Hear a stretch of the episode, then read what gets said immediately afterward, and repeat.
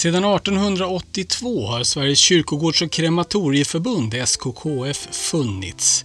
Och lika länge har man också givit ut sin tidning. Den har hetat lite olika saker genom åren, men kallas idag för Kyrkogården. Jag heter Johan Lindsten och är redaktör för tidningen Kyrkogården och också den som producerar den podd som du lyssnar på just nu, nämligen Kyrkogårdspodden. Eftersom tidningen bara finns på papper blir Kyrkogårdspodden ett första kliv ut på internet för redaktionen.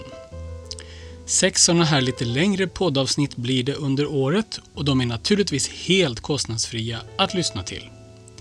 Prenumerera även på podden via exempelvis Spotify eller Podcaster så att du inte missar några avsnitt med reportage om kulturhistoria, kyrkogårdsmiljö, begravningsverksamhet och mycket annat. Läs också mer på webben, kyrkogardspodden.se. Alltså, gå till kyrkogardspodden.se. Där kan du också lämna tips och kommentarer till redaktionen via e-post. Du är därmed välkommen till Kyrkogårdspodden.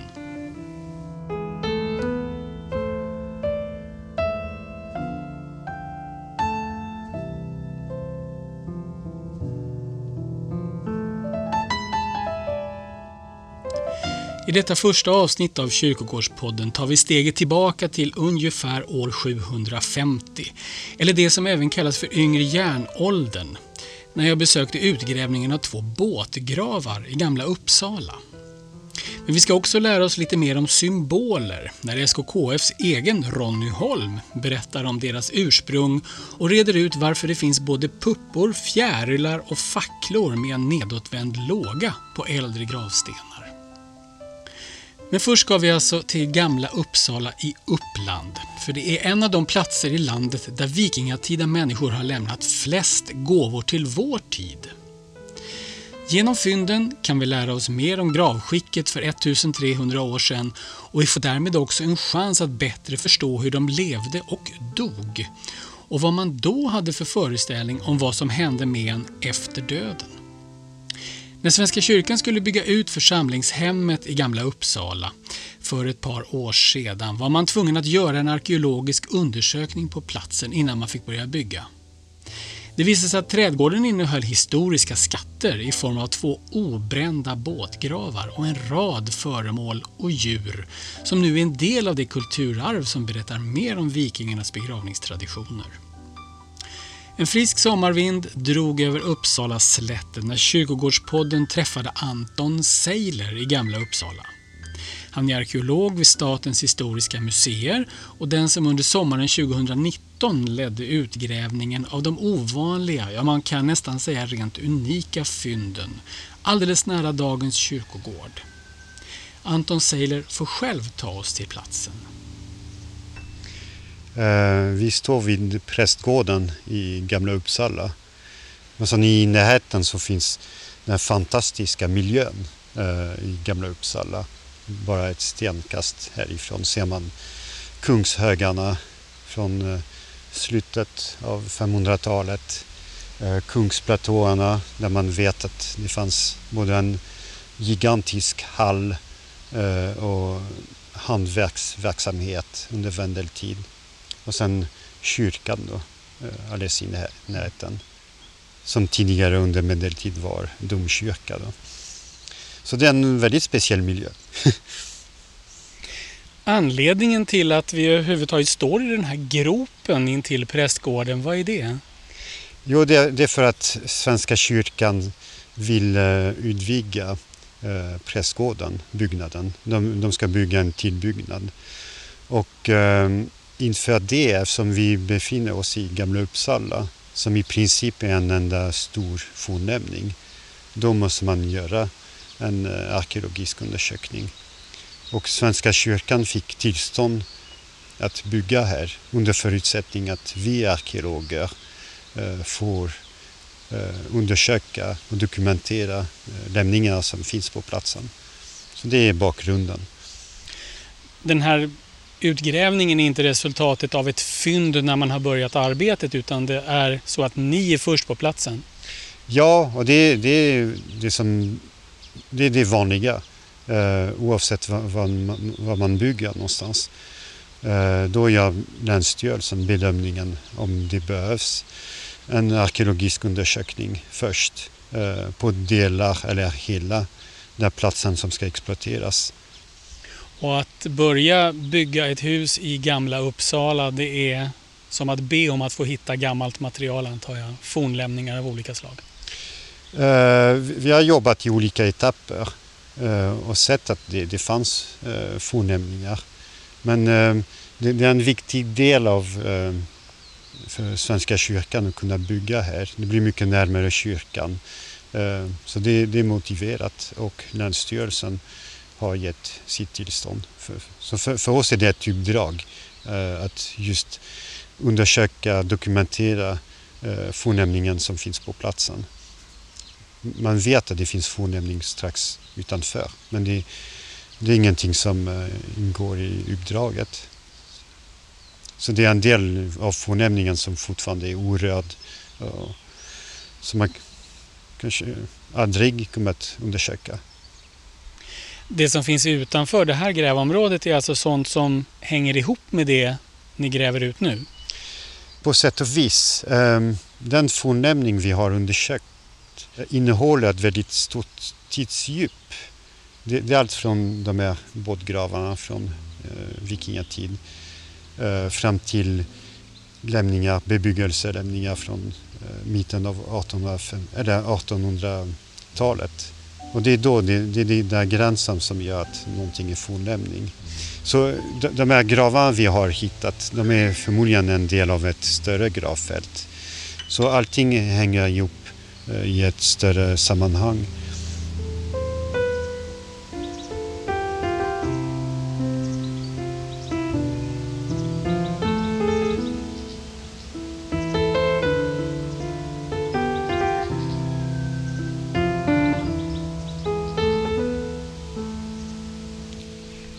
Och om vi då vänder oss om och kikar mot det som ni har grävt ut nu så är det två båtgravar. Vad är det för någonting? Ja, det, det är en arkeologisk term egentligen. Uh, och det, det, är en typ av begravning där man först har sänkt ner en, eh, en hel båt, uh, träbåt i, i marken. Man har grävt en grop uh, som motsvarar ungefär båtens form sänkt ner den här eh, båten och sen har man lagt en död individ, med olika typer av gravgåvor. Så det, det, är en grav eh, där man har använt en båt som eh, behållare istället för en kista. Då. Och de är väldigt ovanliga för att de är obrända. under yngre järnålder, vikingatid, så det vanliga är att man kremerar folk. Eh, förutom mot sen vikingatid där, där kristendomen började slå igenom. Men i övrigt under yngre järnålder är det väldigt få människor som begravs eh, obrända. Så, så det är mycket möjligt att man har begravt många fler i båtar. Men då har man kremerat allting. Och det man hittar i de här gravarna. Ofta är det stensättningar eller gravhögar. Då hittar man kremerade delar både av människoben, djurben, eh, brända båtnitar. Men eh, det finns några få som har begravts i obrända båtar då. och det är väldigt speciellt. Um, så det finns kända båt, båtgravfält um, där man har hittat flera sådär, obrända båtar som, som ja, båtgravar ganska nära varandra. Eh, det finns i Vendel och Valsgärde. Det är de mest kända. Och då pratar vi om Uppland här också? Ja, precis. Mm. Eh, I Uppland finns det, det är som ett pärlband av båtgravfält. Och det är utmed samma vattensystem kan man säga. Och sen finns några fler i Västmanland. Och sen finns några på ehm, eh, i Östergötland. Och sen finns enstaka obrända båtar som, som man har begravt individer i på eh, några gravfält. Finns på Öland eller Sörmland. Men då är det inte, då är det inte båtgravfält. Det är en enda grav som sticker ut från de andra som är kremeringar. Då. Så det är väldigt sällsynt med båtgravar. Och det är ännu mer sällsynt att man får tillfälle att undersöka dem. Och I det här fallet så står vi nu intill en båt som är hel. Och sen 4-5 meter åt sidan så finns det en skadad båt som har varit hel men som är delad vad jag förstår idag. Ja, den ena är helt oskadad. Och, eh, och det är för att man inte har gjort några ingrepp senare under historisk tid. Till exempel grävt en grop eller eh, haft en annan verksamhet som har förstört där begravningen. Den andra var inte lika eh, lyckligt låtad kan man säga. Dels har man grävt den ena änden eh, när man byggde en källare, kanske under sent 1500-tal eller lite senare. Så där har man kapat en del av eh, båten. Och sen den andra var också skadad. Förmodligen av en byggnad som, eh, som har också hört till prästgården. Så eh, bevaringsförhållandena skiljer sig åt mellan de här två. Utifrån ditt och arkeologens perspektiv, är det en stor skada i bemärkelsen att man förlorar kunskap när man hittar en skadad båt jämfört med om man hittar en hel? Ja, precis. Man, man vill ha helheten. För vi vill dokumentera alla de här begravningsritualerna eh, bland annat. Och det innebär att då vill man veta exakt vad som har ingått i den här begravningen från början. Förutom en död eh, individ och kanske några husdjur. Men eh, vad finns annat? Mat, personliga föremål och så vidare. Har man en skadad båt, eh, båtgrav, då vet man inte. Då kan man aldrig veta vad som har funnits från början i, i, som helhet. Då. Så det, det fattas vissa viktiga delar för att kunna tolka. Eh, man kan tolka delvis men eh, man kan inte dra slutsatser utifrån saker som inte finns längre. Även om den är, den är skadad så har vi kunnat fånga upp viktiga konstruktionsdetaljer. Till exempel eh, trärester som kan höra till en överbyggnad. Så det är viktigt också för att förstå hur de här gravarna såg ut i början när de byggdes. Med överbyggnad, tänker du som en ruff alltså? Att det har varit någon form av tak på båten? Ja, någon form av, kanske inte takkonstruktion, men någonting som fanns ovan mark. Eh, just för att markera graven.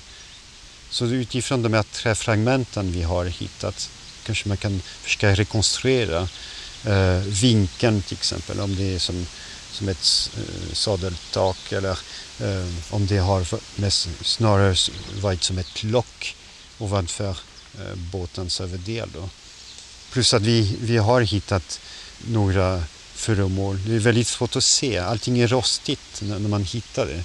Så det är först efter konservering som man kan se, oj, där var en kniv eller um, där var någonting annat. om vi går över till den här första hela båten då. Den var, vill jag minnas, sju meter ungefär gånger två, tre meter va? Ja, det, det är så den uppfattades från början. Men sen när man börjar tömma innehållet så har vi fått fram den ursprungliga formen mycket bättre. Så den har blivit eh, både lite längre och lite bredare. Så nu är den snarare 8 meter lång och nästan 2,30 bred. Förmodligen fattas en del av båten. Det, det som stack upp ovan mark. Eh, så den ursprungliga båten kanske var 11 meter lång. Det är egentligen är för, för tidigt att säga, men det är någonting vi ska försöka räkna ut när man jämför med andra fynd av båtar, de, de, de är bättre bevarade och utifrån bevarade konstruktionsdetaljer. Den här båten till exempel, är det en båt som har använts och seglats med och som sen har fått fungera som en begravningsplats för kanske båtens ägare till exempel? Eller är det en båt som är byggd enbart för begravning? Det är någonting som vi inte vet än, utan det, det är också en av våra frågor. Och då kan man göra olika typer av analyser. Man kan till exempel göra en datering på trärester från båtkonstruktionen eh, med kol-14-metoden eh, och sen jämföra med åldern på den individ som är begravd. Och då ser man, oj, den här båten är 100 år gammal. Då, vet man att det är en gammal båt som man har använt. Eller också visar det sig att de är precis samtida. Och då kan man anta att det är en båt som, som man har byggt just för det ändamålet, för begravningen. Men just nu är det för tidigt att säga då. Men vad du kan säga är förmodligen vad ni hittade i den här hela båten? Dels var det en eh, skelett efter en man och sen skelett efter en hund och eh, efter en häst. Så det är en man som har, man kan misstänka att det är hans husdjur då. Det, det är de som är närmast människan närmast. Då har man offrat dem. Och det var väldigt vanligt eh, under yngre järnålder. Eh, här i regionen finns i princip alltid en hund i varje grav. Då. Även om, om det är eh, brandgravar där man har kremerat folk. Osteologerna, benspecialisterna, kommer att kunna få fram mycket information om både den mannen och eh, häst och hund. Hur gamla de var, om de, om de har varit sjuka och så vidare. Men sen fanns andra saker. Från början har det funnits ett keramikkärl. Nu var det helt krossat. Och då kan man misstänka att det kanske varit fyllt med ja, mat. Kanske gröt eller honung eller någonting. Så det är också någonting man kan analysera med eh, jordkemiska analyser. Kanske man kan fastställa vad som har funnits i det här kärlet från början. Och sen några enstaka ben av nötkreatur. Så det kanske snarare om e- ett köttstycke. Då. Det är inte ett helt djur. Så man kan se, förutom husdjur, så har den människan haft lite proviant. Och sen närmast kroppen, då har man, han haft sina vapen. Eh, vi har hittat ett svärd och eh, delar av en sköld. Skölden från början har bestått av trä, så det är borta idag. Men då har vi hittat själva sköldbucklan eh, som består av järn. Och kanske ett spjutspets då.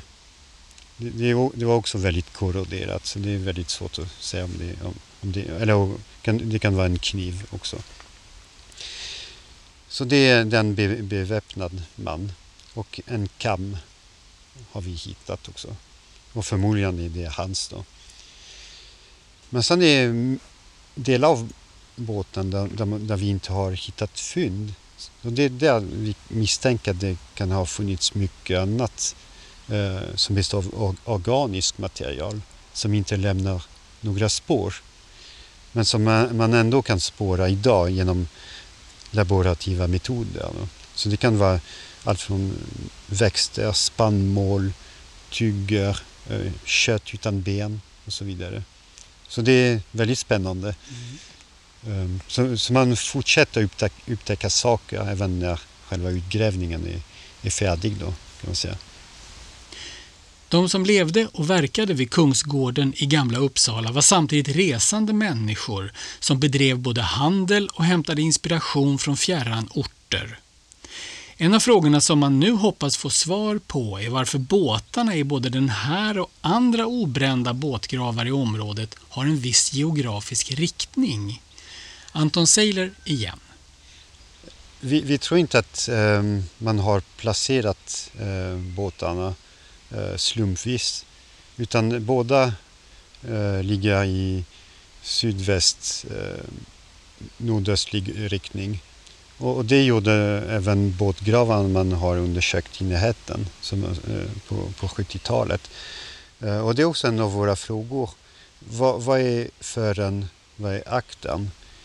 Är de här båtarna eh, riktade mot eh, vattnet som kanske fanns nedanför? Eller också är, det riktat, är de riktade med fören mot de delar av Kungsgården som, som är mest manifesta, då, där man kanske har haft en hall. Så det är väldigt spännande och, eh, frågor och det är därför vi måste verkligen analysera de här båtlämningarna, även om de är väldigt fragmentariska. Även i den intakta graven. Det är egentligen bara, bara skalet som är kvar med båtnitarna. Och utifrån det och formen som är grävd i, i marken så kan man försöka fastställa i vilken riktning båten rimligen borde ha gått då, framåt. De föremål som, som du berättade om här, är det föremål som man kan säga att den personen som ligger begravd här har haft en viss ställning i samhället? Ja, förmodligen. Dels bara det att kunna använda en båt i begravningssammanhang. Det, det är en förbrukad båt. Man kommer aldrig kunna använda den igen. Och sen offra häst och vapen som förmodligen kunde användas ändå. Så det är en stor kapitalinvestering. Så det, det är människor med ekonomiska resurser. Till exempel den här hästen, det satt fast beslag på kraniet som hör till själva hästutrustningen. Då. Så, så förmodligen vad det tyder på det är någonting speciellt. Det är någon som har haft råd eh, se till att hästen såg pampig ut. Och sen just att de är begravda, dels på ett väldigt ovanligt sätt och inom Kungsgården, det som är Kungsgård i Gamla Uppsala under yngre järnålder. Det tyder på att det är människor som har en väldigt nära relation till kungen, kungamakten. Men eh, deras roll i Gamla Uppsala det kanske inte är fastställt utan det är någonting vi ska försöka svara på. De frågor du hade inför den här utgrävningen, vilka var det och tycker du att du börjar få svar på dem? Ja, man kan säga att vi har en hel rad med, med frågor men det, det, är tre olika teman. Det första temat det berör själva begravningsritualerna och det är det vi har pratat om. Till exempel om man har använt en gammal båt eller en som är, en som är nytillverkad det som har ingått i gravgodset. Eh, kanske riktningen på båten, vad som är eh, fören och vad, vad som är akten. Och försöka rekonstruera hela gravens tillkomsthistoria. Man vet nu att det är inte så att man grävde en grop, la en båt, en död individ, gravgåva och sen täckte man över. Eh, vi tror att det kan vara en ganska långdragen historia. Särskilt om det finns en överbyggnad. Det kanske såg ut som ett hus där man kunde gå in och se, se, se en, eh, någon man hade anknytning till. Så det är det första temat. Får jag bara avbryta det där? Alltså, gå in i och se på en anhörig, menar du att det kanske till och med skulle vara öppet? Att man ja. hade en överbyggnad som ett litet hus över en öppen grav? Ja, precis. För att, um, det har man sett till exempel med Osebergsgraven. Man tror idag att den, den har inte varit övertäckt på en gång. Utan det, det är förmodligen en del av begravningsritualen som kunde pågå ganska länge. Vi, vi har kunnat se till exempel att där, där träöverbyggnaden har kollapsat någon gång. Och efter det har man fyllt igen båten med jord och lera och sen byggt eh, en stenkonstruktion ovanpå. Så det, det, är en långdragen process och det är, också, det är en, någonting vi måste, eller vi vill få svar på. Vad handlar det om? Är det handlar om bara några månader eller någonting som pågår i flera år? Så det, det är vårt första tema. Det andra är vilka de är, de här individerna. Just eh, deras koppling till kungamakten med tanke på det väldigt speciella sättet de är begravda på och eh, platsen de är begravda på. Och sen om det är folk härifrån, då kan man studera, eh, göra så isotopanalyser. Se, är det folk som är uppvuxna här i regionen? Eller kanske i Sydskandinavien eller någon annanstans. Men man vet idag att man var väldigt rörlig under vikingatid. Och just om man tänker sig vad gör allianser, om det är allierade till kungen eller så, då kommer, kommer vi att få svar på det. Eh, man kan göra DNA-analys, se om de är släkt med varandra. Då kan det handla om en, ett eh, familjegravfält. Då. Och sen det tredje temat, det handlar om platsen i, i landskapet. Just förstå relationen till andra delar av Kungsgården. De, de är, som är mycket mer monumentala idag, eller även då. Kungshögarna, Eh, de här kungsplatåerna eh, och sen den här dalgången nedanför där vi tror att det kan ha funnits ett litet vattendrag och kanske vattenspegel. Då. Det som är Myrbyträsk idag, men bara att namnet eh, betyder att det borde ha funnits vatten tidigare. Så vi, vi jobbar systematiskt. Men sen när, när vi är själva färdiga så kanske andra som tycker att då borde man ställa de här frågorna också. Och då kan man gå vidare med det här materialet. Och det är därför det är extremt viktigt att vi dokumenterar allting eh, när vi jobbar så att det inte finns frågetecken sen för andra eh, som vill jobba med det här materialet. Eh, det här grunddatat må, måste vara eh, kvalitetssäkrat och redan i fält att vi, vi får inte missa någonting. Så det är höga krav men det är extremt roligt också. Det här är ju då per definition en gravplats och den ska ju helgas och eh, man ska visa vördnad inför den och sådär. Ja. Nu ska man bygga här och det kan ju inte vara kvar här av just den anledningen. Men eh, hur förhåller man sig ändå till just det faktum att det är en gravplats som man nu gräver ut och lyfter bort de här individerna från? Eh, det är en förkristen begravningsplats och det händer ju väldigt ofta att man undersöker gravfält. Även om i de flesta fall då är det eh, kremerade människor. Och det, det bästa man, vi kan göra, vi som arkeologer, det är att dokumentera, eh, analysera på bästa sättet och försöka ge en bild av de här människorna. Hur de levde, hur de dog och deras eh, omgivningar men det, det är så att idag, att, eh, och det har varit så hela tiden, att äldre begravningsplatser hindrar inte samhällsutvecklingen. Kan man säga. Förutom om det är exceptionella gravar, till exempel Kungshögarna skulle man inte tillåta att man bygger en motorväg genom till exempel. De fynd ni har gjort här nu, skelett, gåvor, båtarna i sig. Vad händer med det materialet nu? När vi är färdiga i fält med fältarbetet, då börjar en uh, ganska lång tolkningsprocess uh, vad gäller ta hand om fynd, tolka, analysera. Så det, det som är mest ömtåligt, uh, metallerna, Eh, och vissa ben måste man skicka direkt till eh, konserveringsateljé så att de kan stabilisera de här föremålen och eh, att de inte bryts sönder. Sen ska man registrera all data vi har samlat in, både vad gäller fynd och andra eh, arkeologiska lämningar. Det handlar mycket om jord, olika jordlager, till exempel stenkonstruktioner. Specialister kommer in, kom in i processen så småningom.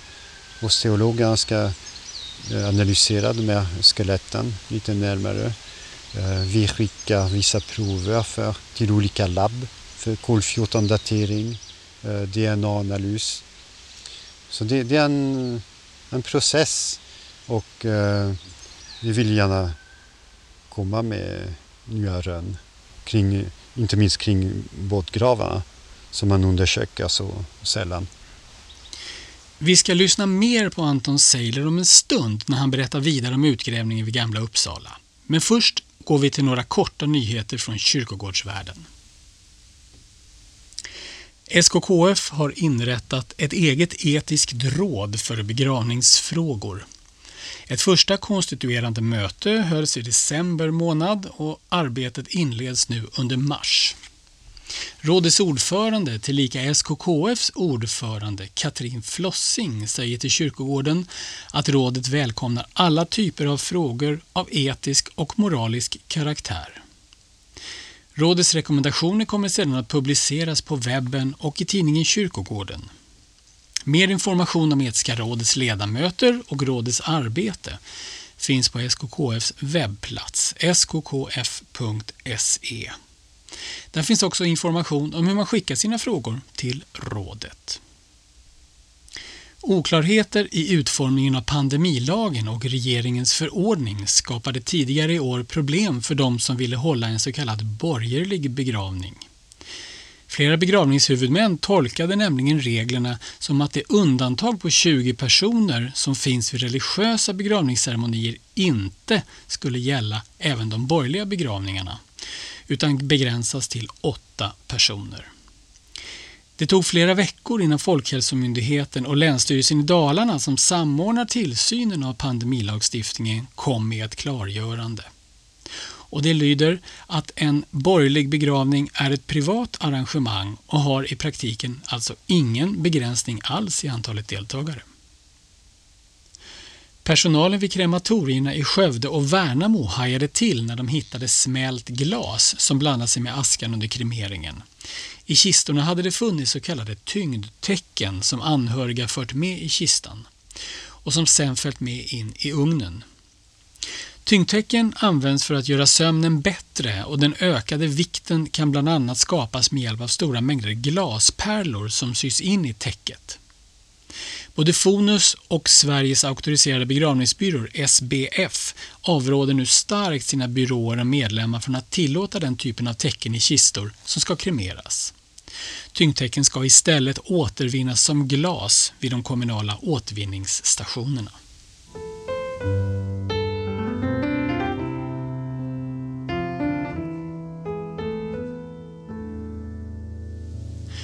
Ronny Holm är SKKFs organisationschef men han undervisar också om kyrkogårdarnas kulturmiljöer och kulturhistoria.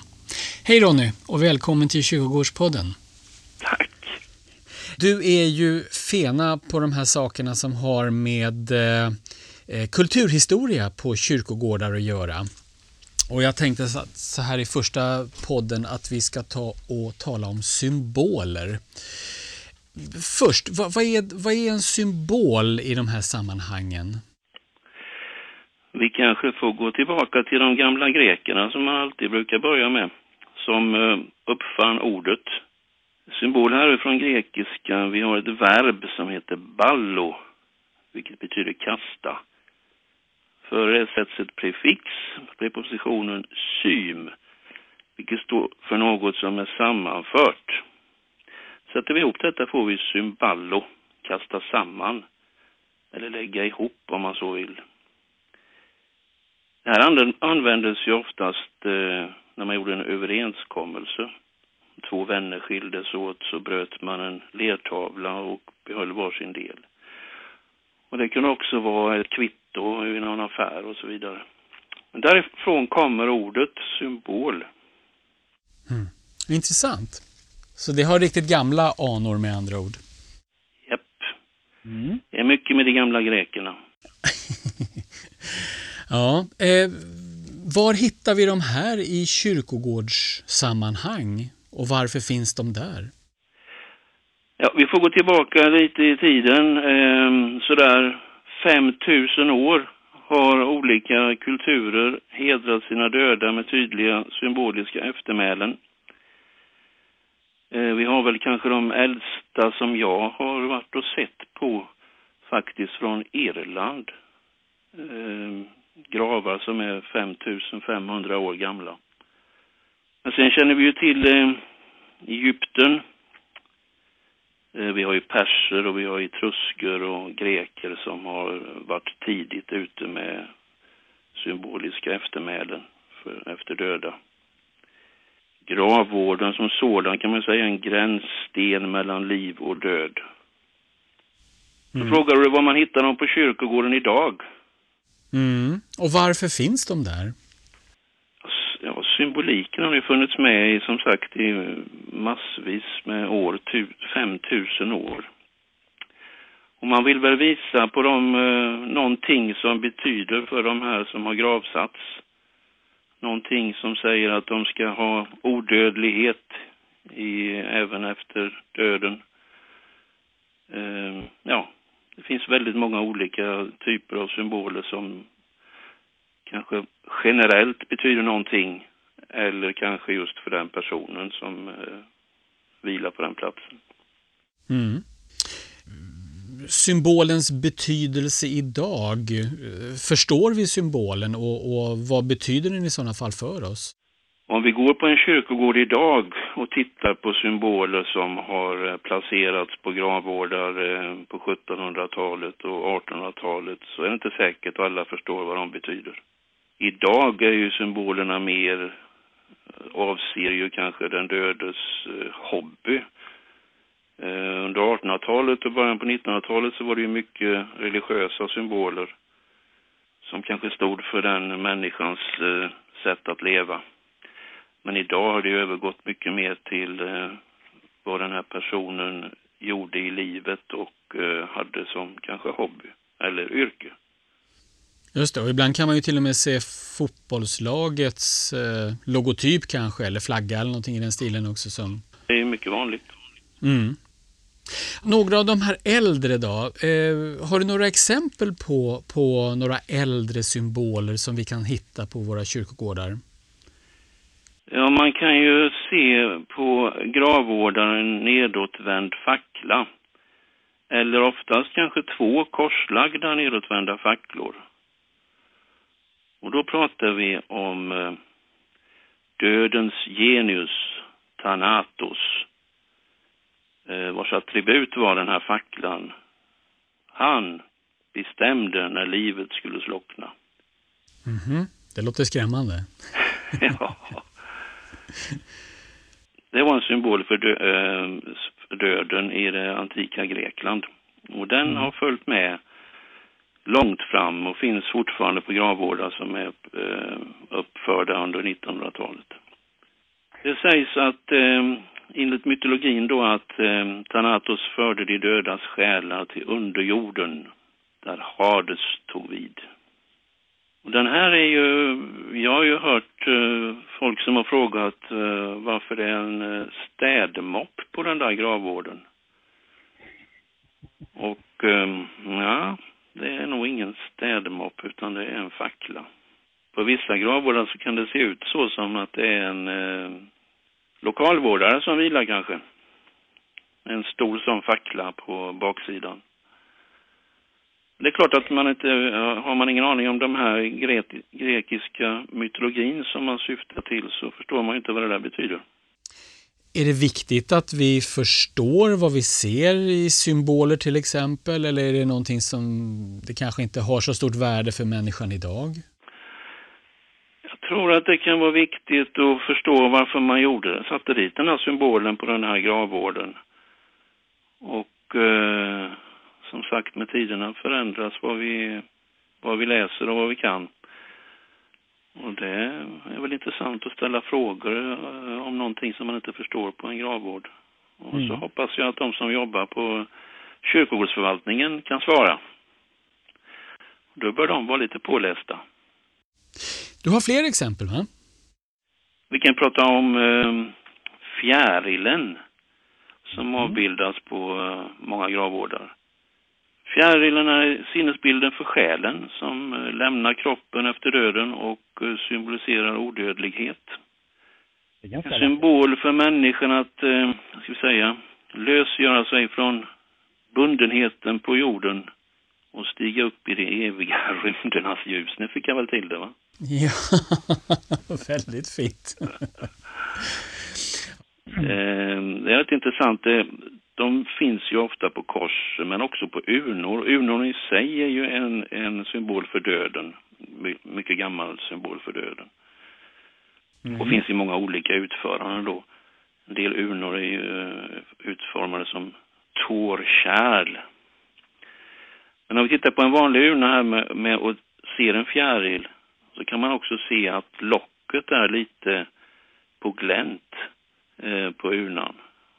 Och då betyder det att eh, eh, fjärilen, själen, kan flyga ut. Det finns väldigt lite... många sådana vackra urnor. Det är lite grann som man öppnar fönstret hos en som precis har dött också. Ja. Det är lite samma tanke där. Ja, det är det. Mm. Fjärilen känns ju mer lättillgänglig då än eh, kanske eh, Thanatos-facklan. Ja, det är det ju.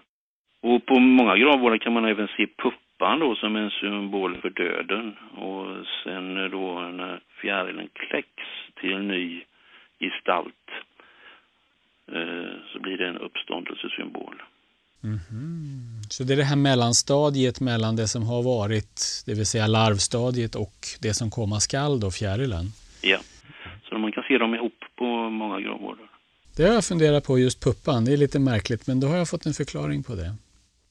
Ja, har du några tips på var man kan läsa på om det här med symbolspråk och symboler överhuvudtaget? Om det finns någon litteratur eller någon webbplats eller någonting sånt som är bra? Ja, man kan ju gå på utbildning hos SKKF i kyrkogårdskultur. Nej, jag har ingen bok framför mig nu som jag kan peka på, eh, men det är klart att det finns och det kan vi återkomma till. Man kanske kan googla i vanlig ordning och se vad man hittar på nätet. Men det finns ju väldigt mycket böcker med symbolik. Du har ju lång erfarenhet av kyrkogårdsverksamhet och har varit kyrkogårdschef själv nere eh, i Halland, Småland. Hur eh, är folk intresserade när de besöker kyrkogården av vad de ser, faktiskt ser? Ja, det tycker jag. Eh, det har ju blivit nästan som ett utflyktsmål för många att besöka kyrkogårdar och titta på och lära sig mer om historia och ja, det tycker jag. Det är väldigt många som är intresserade. Och frågan om symbol då, symboler kan vara en sån som kan kanske ställs till personalen. Ja. Bra, då tackar jag dig Ronny för att du ville vara med i podden den här gången och så hörs vi vidare en annan gång. Tack själv. Ronny Holm återkommer med mer kulturhistoria i nästa avsnitt av Kyrkogårdspodden.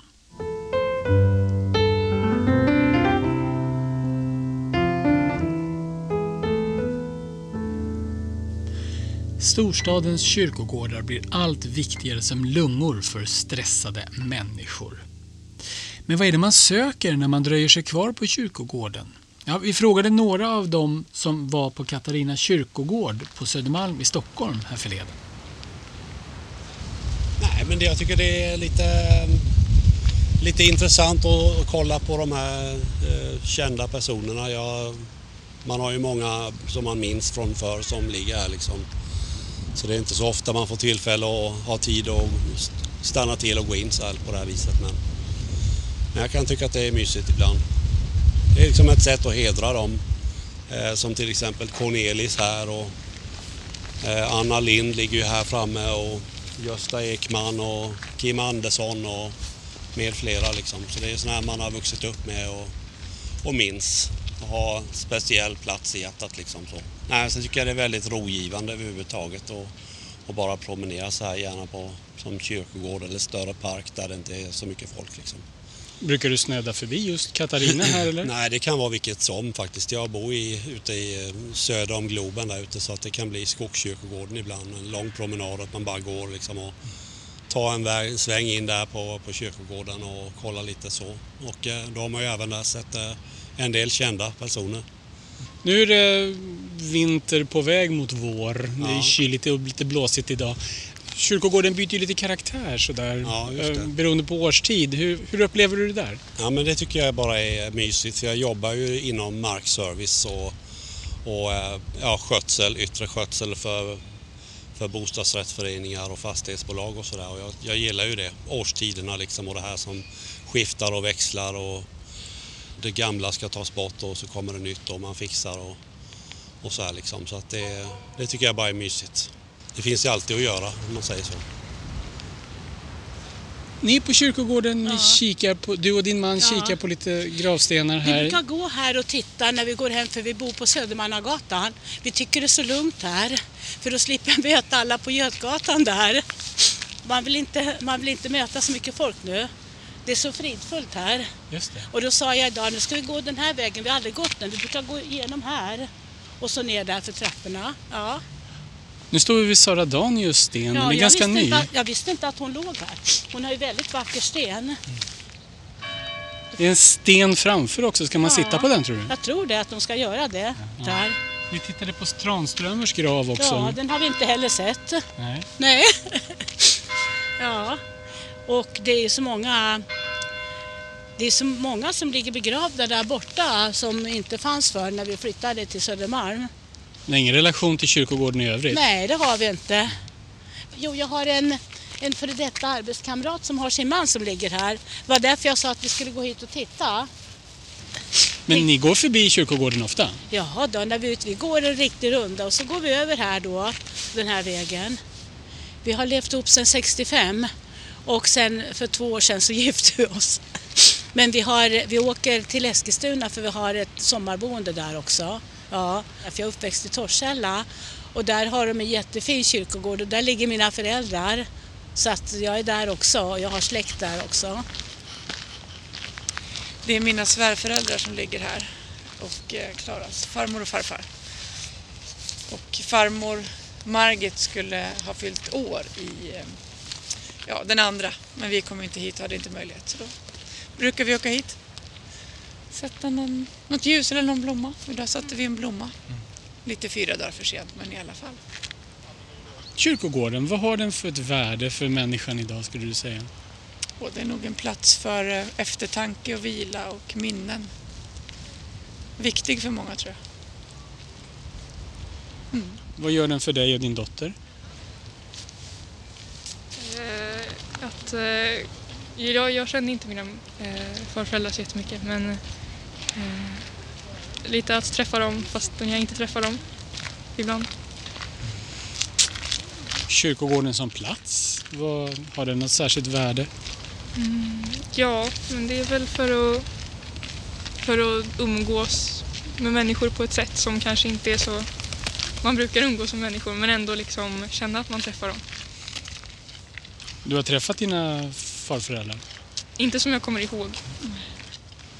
Går det att ändå skaffa sig en bild när man går till en grav och besöker den och lägger en blomma och sådär? Att man ändå kan få en bild av personerna eller? Inte personerna som de var tror jag men eh, man kan eh, skapa sin egen uppfattning. Eller så här, lära känna, känna dem på sitt eget sätt. Vi pratar också minnen när vi är här ibland. Mm. Ja, och så nu pratade vi om att, att det är rosor här. Och då vet ju vi att det är, man, har, man har valt blommor och färger och sånt som man vet att de tyckte om. Och så. så det är ju ett sätt för dig att ändå lära sig lite grann om vilka de var fastän du inte minns dem. Mm. Rösterna var hämtade från Katarina kyrkogård på Södermalm i Stockholm. Vi ska återvända till det Ronny Holm talade om, nämligen symboler.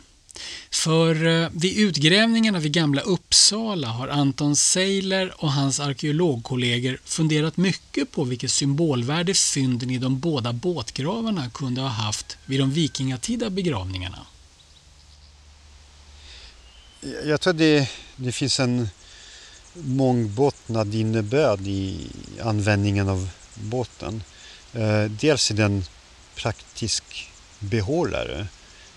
På de andra båtgravfälten som, man, som är undersökta här i Uppland är inte alla begravda i, i båtar utan det, det kan handla om gravkammare också.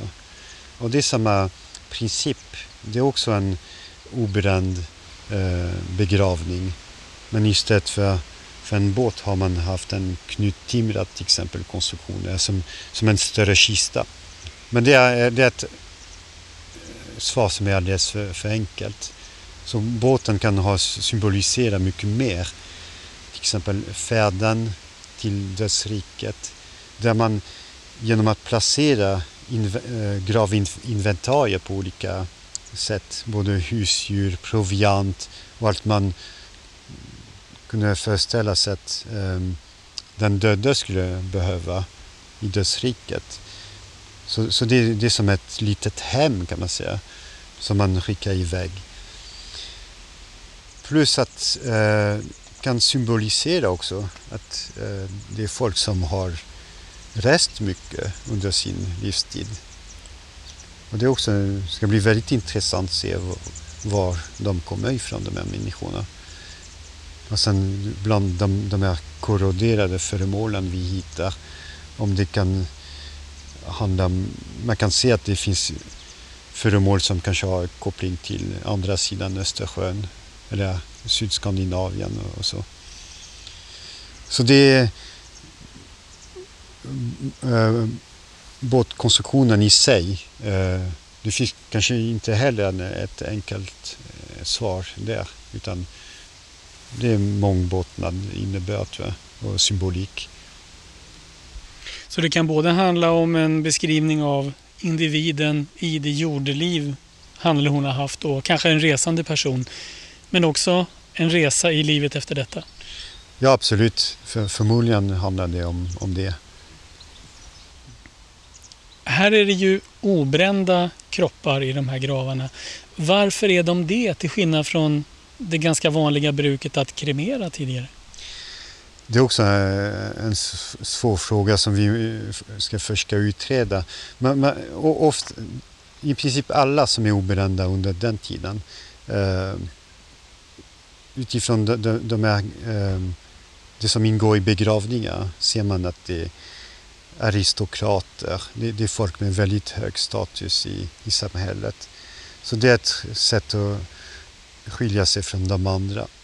Man, man, tror att de har haft nära kontakt till, till, med, med varandra, alla de här som är eh, begravda i båtgravar. Vissa har föreslagit att det skulle vara inslag av kristendom eller eh, influenser från kristendomen. Men i, i, vissa gravar som är undersökta tidigare, bland annat de i närheten, har man hittat föremål som verkligen avspeglar för kristen religion. Torshammarringar, eh, figuriner som kanske eh, föreställer Freja till exempel.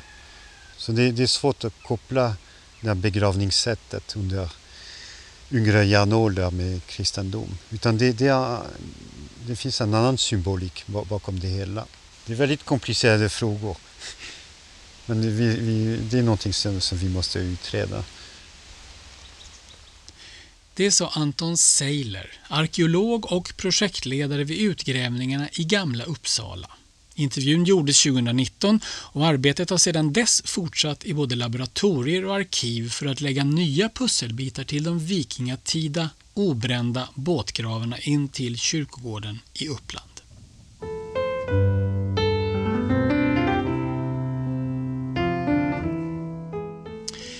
Det var allt vi hade att bjuda på den här gången. Men du hittar oss alltid på kyrkogårdspodden.se eller där poddar finns, som bland annat på Spotify och Podcaster. Sök då efter Kyrkogårdspodden. Och kom också ihåg att prenumerera på podden i din telefon. Det kostar ju ingenting, men det ger väldigt mycket tillbaka. Berätta också vad du tycker om podden. Skriv till redaktionen med tips och tankar på adress podd kyrkogarden.com. Därmed tackar jag, Johan Lindsten, för att ni har lyssnat på denna första utgåva av Kyrkogårdspodden från SKKF. På återhörande nästa gång.